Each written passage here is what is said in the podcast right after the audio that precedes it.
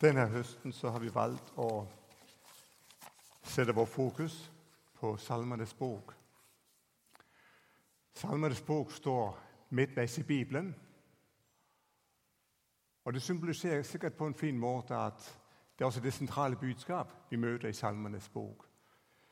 Luther han har sagt at Salmenes bok nesten er som en lille bibel, hvor du møter det sentrale i forhold til Gud, i forhold til mennesker og i forhold til deg selv. Og Faktisk så har vi det midterste vers i hele Bibelen midt i Salmenes bok.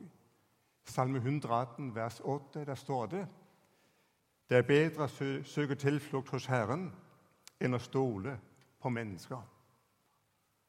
Bedre å søke tilflukt hos Herren. Vi har valgt å kalle prekenserien 'Med hjertet på rett plass'. Og Det er ikke noe med Aidensfield å gjøre, men det har noe å gjøre med at er hjertet på rett plass? Får Gud lov å fylle det? Ja, da vet vi at det er det stedet hvor livets rikdom finnes. Der hvor vi finner ut av hvem vi egentlig er, og hva vi skal bruke livet til.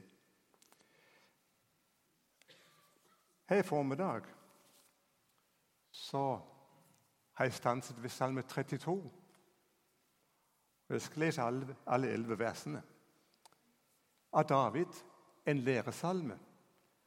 Salig er den som har fått sine lovbrudd tilgitt og sine synder skjult.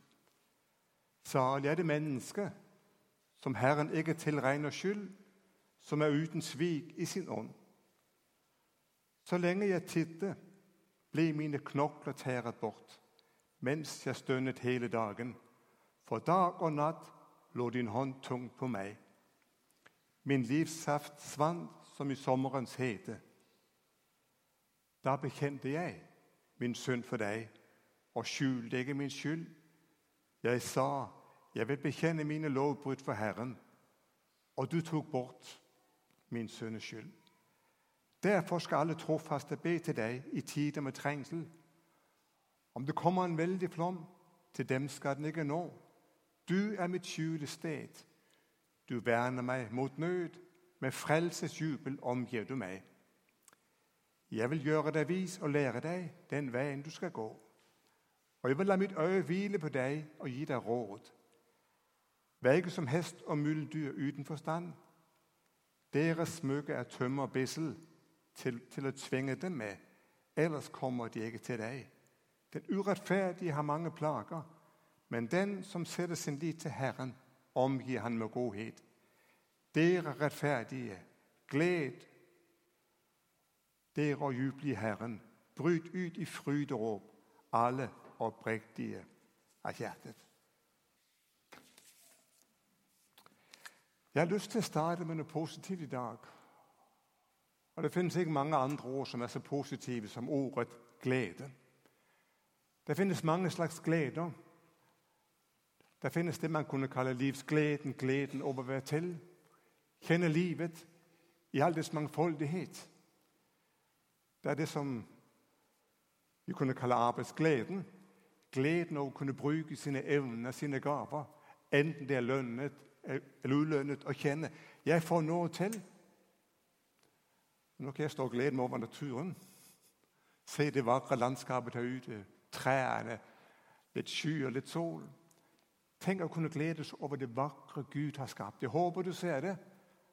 Alle årets fire tider. Gleden over å være sammen med andre mennesker, den sosiale gleden. Å være med i et fellesskap, noen å dele livet med, noen å le sammen med, noen å gråte sammen med. Gleden over et godt måltid mat. Så herlig. Kunne kjenne at nå, nå, nå er den gode smaken til stede. Og det fyller hele deg med, med, med bare godt og velvære. Og listen den er enda lengre, for det finnes så mange forskjellige typer gleder Gud har skapt oss til og til å ta del i. Teksten i dag handler om en glede som er så stor at Bibelen kaller den salig. Salig. De gamle grekere de brukte det begrepet Makarios om øya Kypros. Den var så vakker At man ikke hadde lyst til å være andre steder. Så det var Makarios, gleden. De hadde til og med en erkebiskop som het Makarios, hvis du husker litt tilbake i tiden. En mann med et ganske langt skjegg og en fantastisk flott hatt. Salighet det er den glede som er guddommelig, som overgår all annen glede denne verden kan gi oss. Salig er den, slik begynner salmen i dag. Og Salmen den handler om synd, tilgivelse og den glede du får når dine synder er deg tilgitt. Martin Luther han har sagt der hvor syndernes forlatelse er, der er det salighet og glede. Og når Maria fikk vite, eller var det faktisk ordene til Josef når jeg tenker bedre etter, så står det hun skal føde en sønn, og du skal gi ham navnet Jesus, for han skal frelse sitt folk fra deres synder. Det er noen som syns at de kristne og Bibelen taler vel mye om synd. Og øh, Det var et ektepar hvor fruen vanligvis gikk til kirke, og mannen normalt holdt seg hjemme søndag formiddag. Men han skulle alltid vite hva presten hadde preget over. Og Da hun kom hjem denne søndagen, så spør hun ham du, hva var det han preget om i dag. Jo, han talte om sønnen.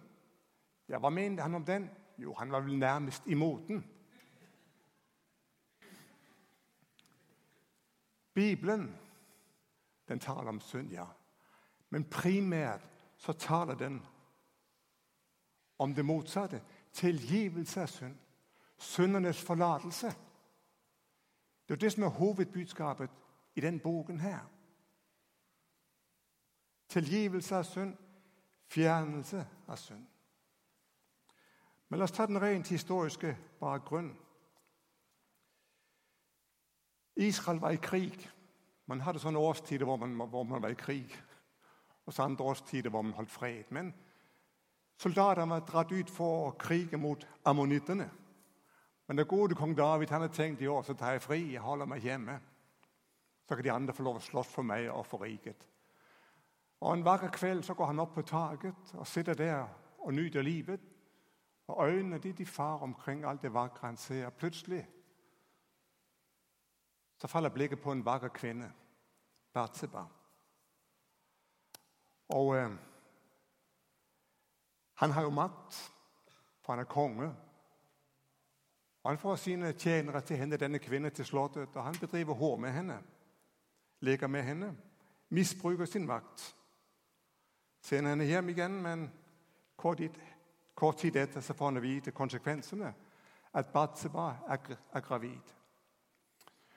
Og øh, Der er en der har sagt det på den måten at skyldfindelse er oppfinnelsens mor.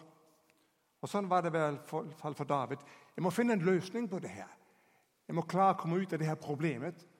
Så han sender bud på Uri. Han skal få lov å komme hjem. Han får fri fra krigen. Og David regner med at han skal gå inn til sin vakre hus og tilbringe natten med henne. Så er det han som er faren til det barnet som kommer. Men Uria han er en truffet soldat, så han går ikke inn i huset. Så han legger seg ut forbi, huset, ligger ved døren og ligger der hele den tid han er fri. Det er jo ikke så greit for, for, for David, det her. Han må finne på en ny løsning. Og uh, Uria drar i krigen igjen og blir plassert på et sted hvor David vet at her kommer han til å falle. Her blir han drept av fienden. Og det skjer som David har tenkt. Og så for å gjøre det helt, helt perfekt, så får han en begravelse på statens bekostning. Festivitas, en helt er død i kamp for Israel. Og så tenker David nå nå går det bra. Historien er at på et tidspunkt så dukker profeten opp, og David han skjønner at han har syndet. Og Det er jo slik at ofte så fører den ene synd den andre med seg. Det var hår, det var løgn, det var meddelagtighet i drap.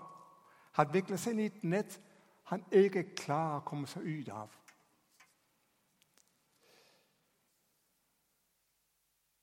Når det gjelder synd, så bruker denne salmen fire, fire uttrykk for hva synd er. Salig den som har fått sin lovbrudd tilgitt. For å beskytte livet og for å beskytte mennesket så gav Gud sine gode bud. Ikke for å gjøre det vanskelig, men for at livet skulle utfolde seg på aller beste måte. Også til mennesker som har blitt formørket i sin tanker og sin forstand og i sin følelsesverden, som ikke lenger kunne skjelne rett for galt, så gav Gud sine bud. Når et menneske går over grensen for dette, overtrer, skjønner du, så synder man. Lovbrudd. Lovbrudd er synd. Selv ordet synd det betyr å forfeile sitt mål, gjøre feil trinn. Vi ga fra den veien Gud har for oss. Synd det er å bomme på målet. Og Nå har jeg ikke en lang syndekatalog jeg skal lese opp fra i dag. Men du kan bare måle deg imot det at du skal elske Herren din Gud av hele ditt hjerte. Av hele din styrke, av hele din sjel. Du kan måle deg mot det at du skal elske din neste som deg selv. Og du kjenner igjen og igjen jeg kommer til kort innenfor den allmektige Gud. Jeg er en synder.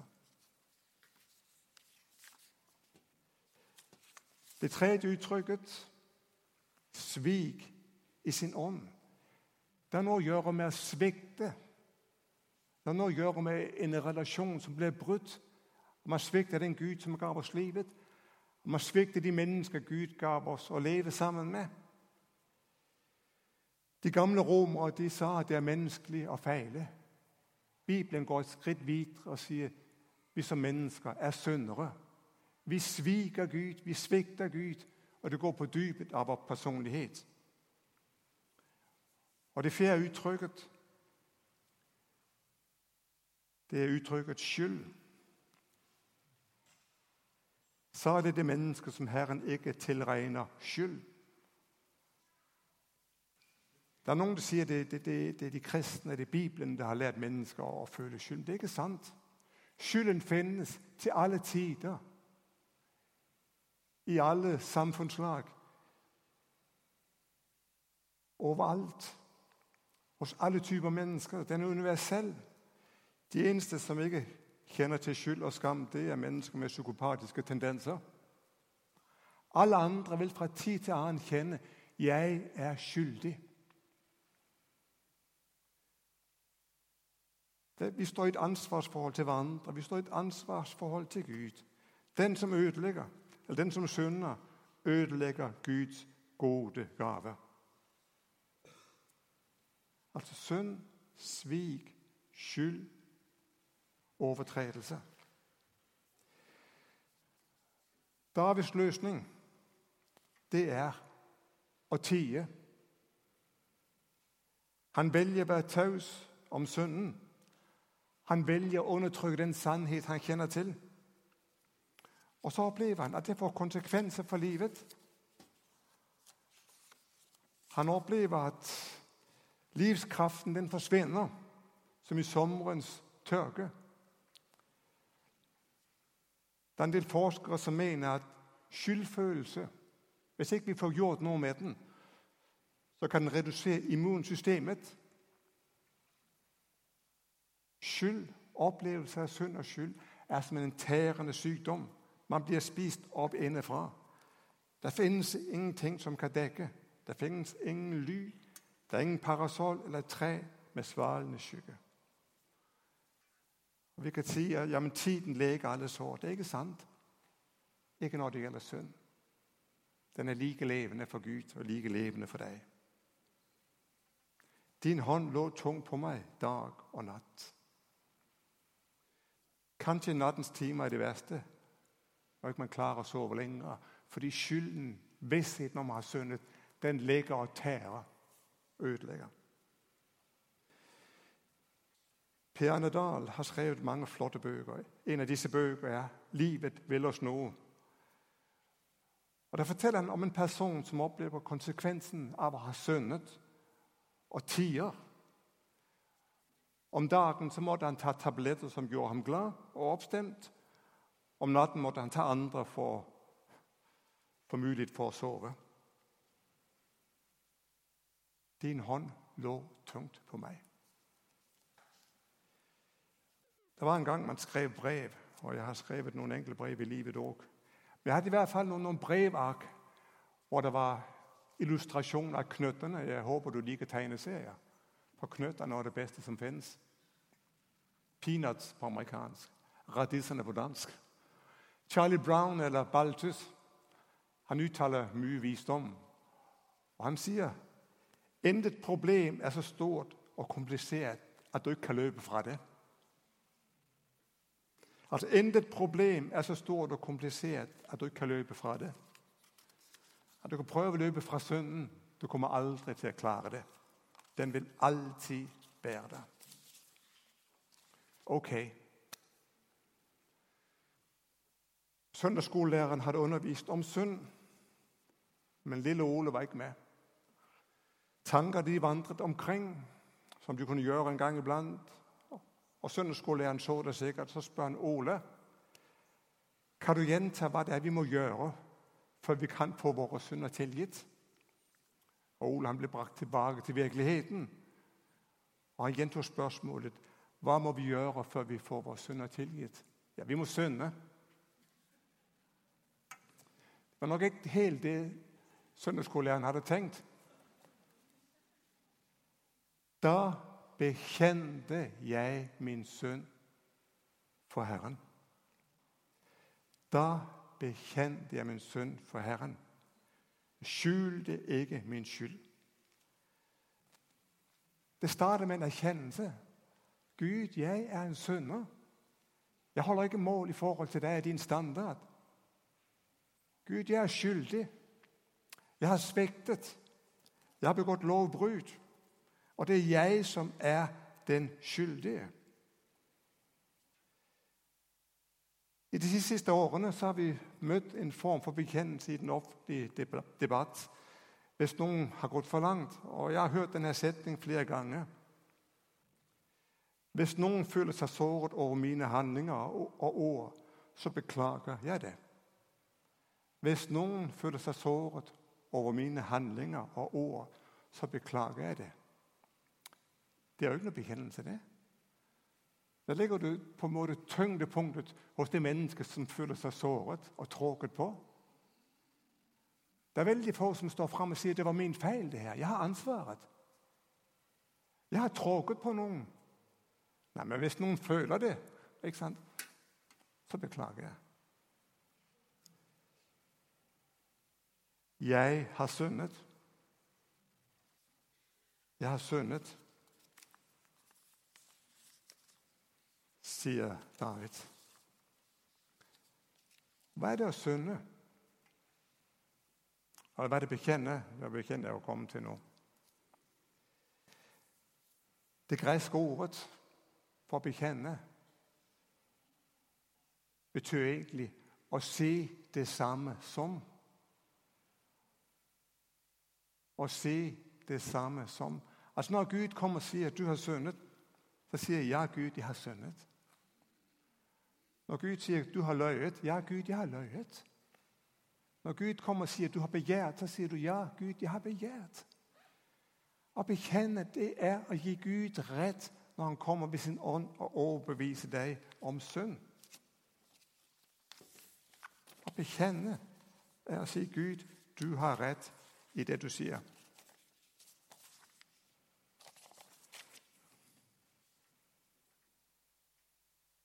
Hvorfor må jeg si det når Gud vet det? Jeg vet ikke om du har merket det.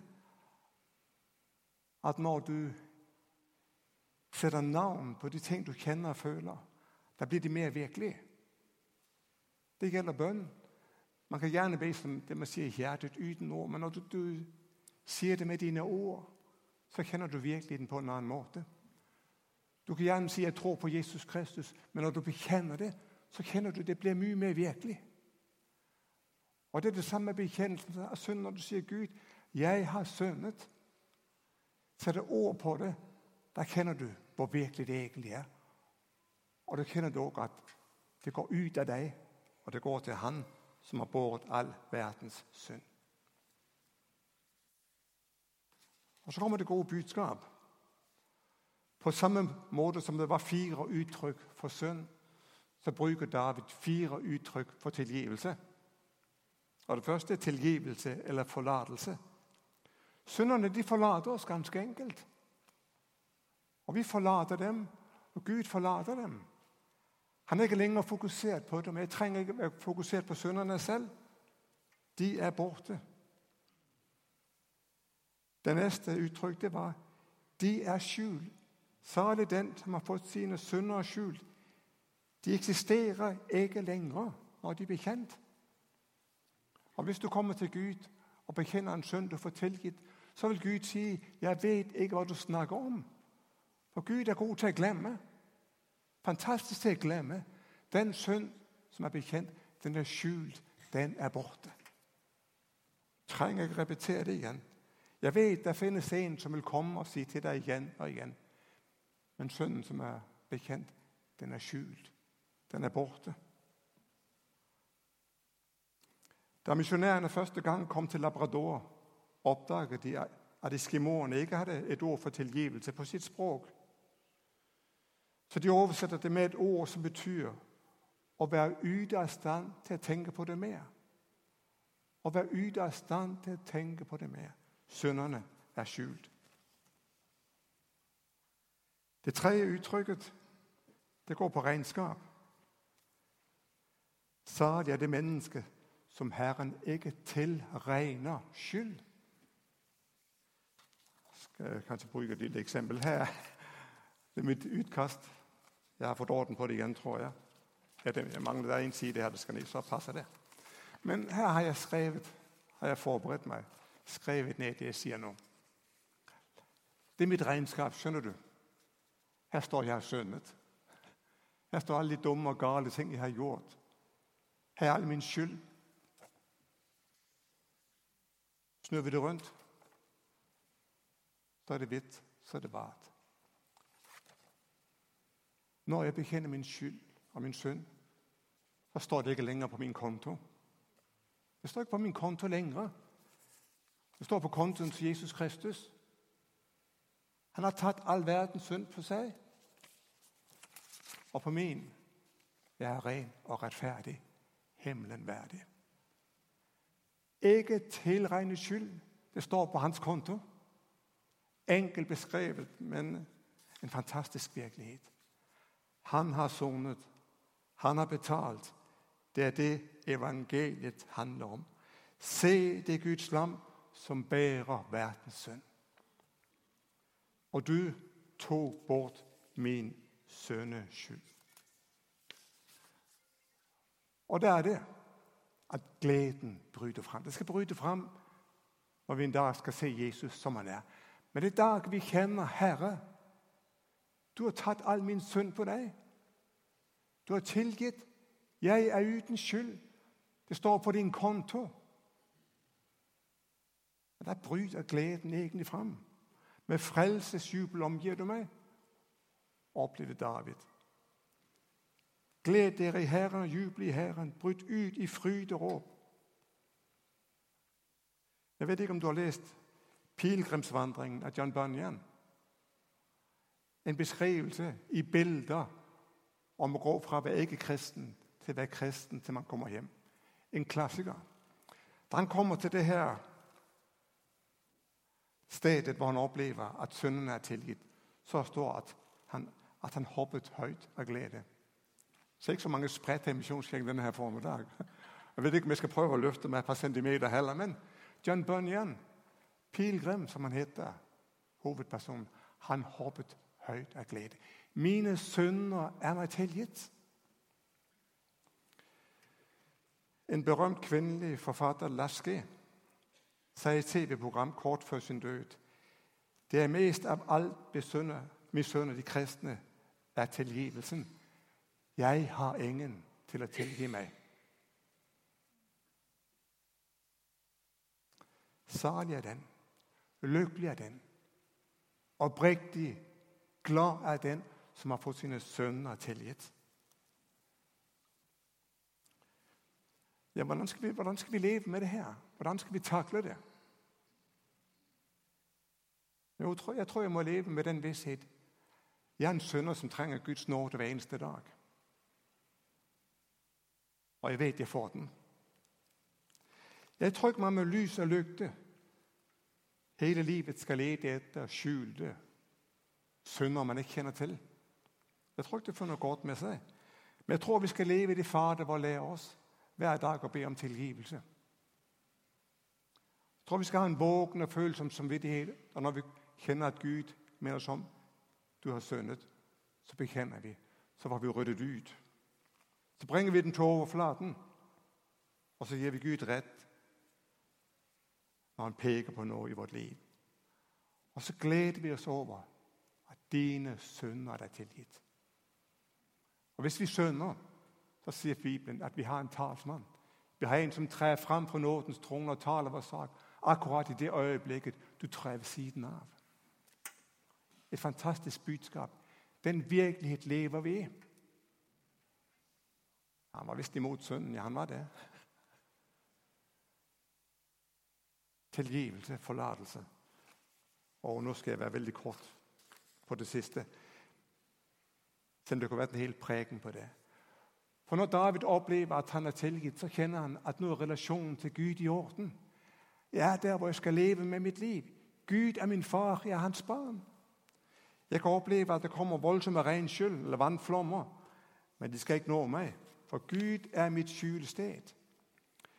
Jeg opplever at hans blikk er festet på meg.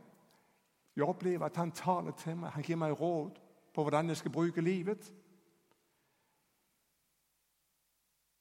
Jeg opplever ny glede, ny lovprisning, ny tilbedelse.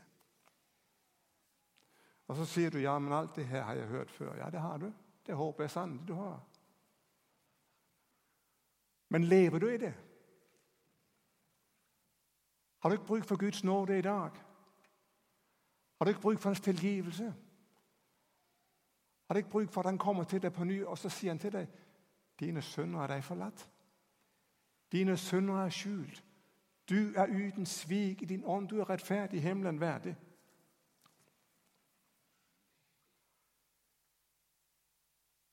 Dere rettferdige, gled dere og juble i Herren. Bryt ut i fryderåp, alle oppriktige av hjertet. Kjenner du denne lovsangen? Kjenner du denne tilbedelse? Det er det det handler om. Og så helt, helt til slutt. Det sto det var en læresalme. Det var en læresalme. Og det er slik at Guds ord er skrevet for at vi skal lære av det. Og De læresalmer de har ikke blitt til på et teologisk fakultet eller i et mørkt studierom. De er blitt til i møte med livet. Det David sier, det her det har jeg erfart. Ånd, sjel og kropp. Jeg vet hva det vil si å ha syndet. Jeg vet hva det vil si å komme på avstand av Gud. Men jeg, jeg har også opplevd hva det vil si å få mine synder tilgitt. Å bli et nytt menneske. Få en ny relasjon til Gud. Jeg vet hva gleden er når syndene forlates, når min synd er skjult. Til slutt et enkelt vers fra den danske salmedikteren Christian Rikard. Han er mest kjent for alltid i når det går, men han har et annet fint vers her. Du som frelsen meg forkynner, du en frelser, jeg en sønner. Du med ammen, jeg med bønn. Du med nåden, jeg med skammen. Over vi da passer sammen, du Guds salvede, Guds sønn. La oss be sammen. Herre Jesus, takk for din nåde, din kjærlighet din sannhet. Takk at du elsker oss med en evig kjærlighet, og du sonet all verdens synd. Og Jeg ber om at vi denne formiddag må se hvor fantastisk stort, mektig det er, det budskapet. vi har fått lov å ta imot. Herre Jesus, vi ønsker å prise deg. Vi ønsker å love deg fordi du er den du er. Takk at du er frelser. Amen. Vi skal gå rett over til nattverden. Nattverden den er innstiftet av Jesus Kristus. Det er et måltid der vi minnes at han ga sin kropp og sitt blod for oss. Det er et måltid der han kommer til oss og presenterer sin fullkomne frelse. En frelse han vant da han døde på korset. En frelse der han sugde verdens synd, så du kan oppleve hva det vil si å bli tilgitt. Det er et måltid for deg som tror på Jesus Kristus, og det er et måltid for deg som ønsker å tro på Jesus Kristus.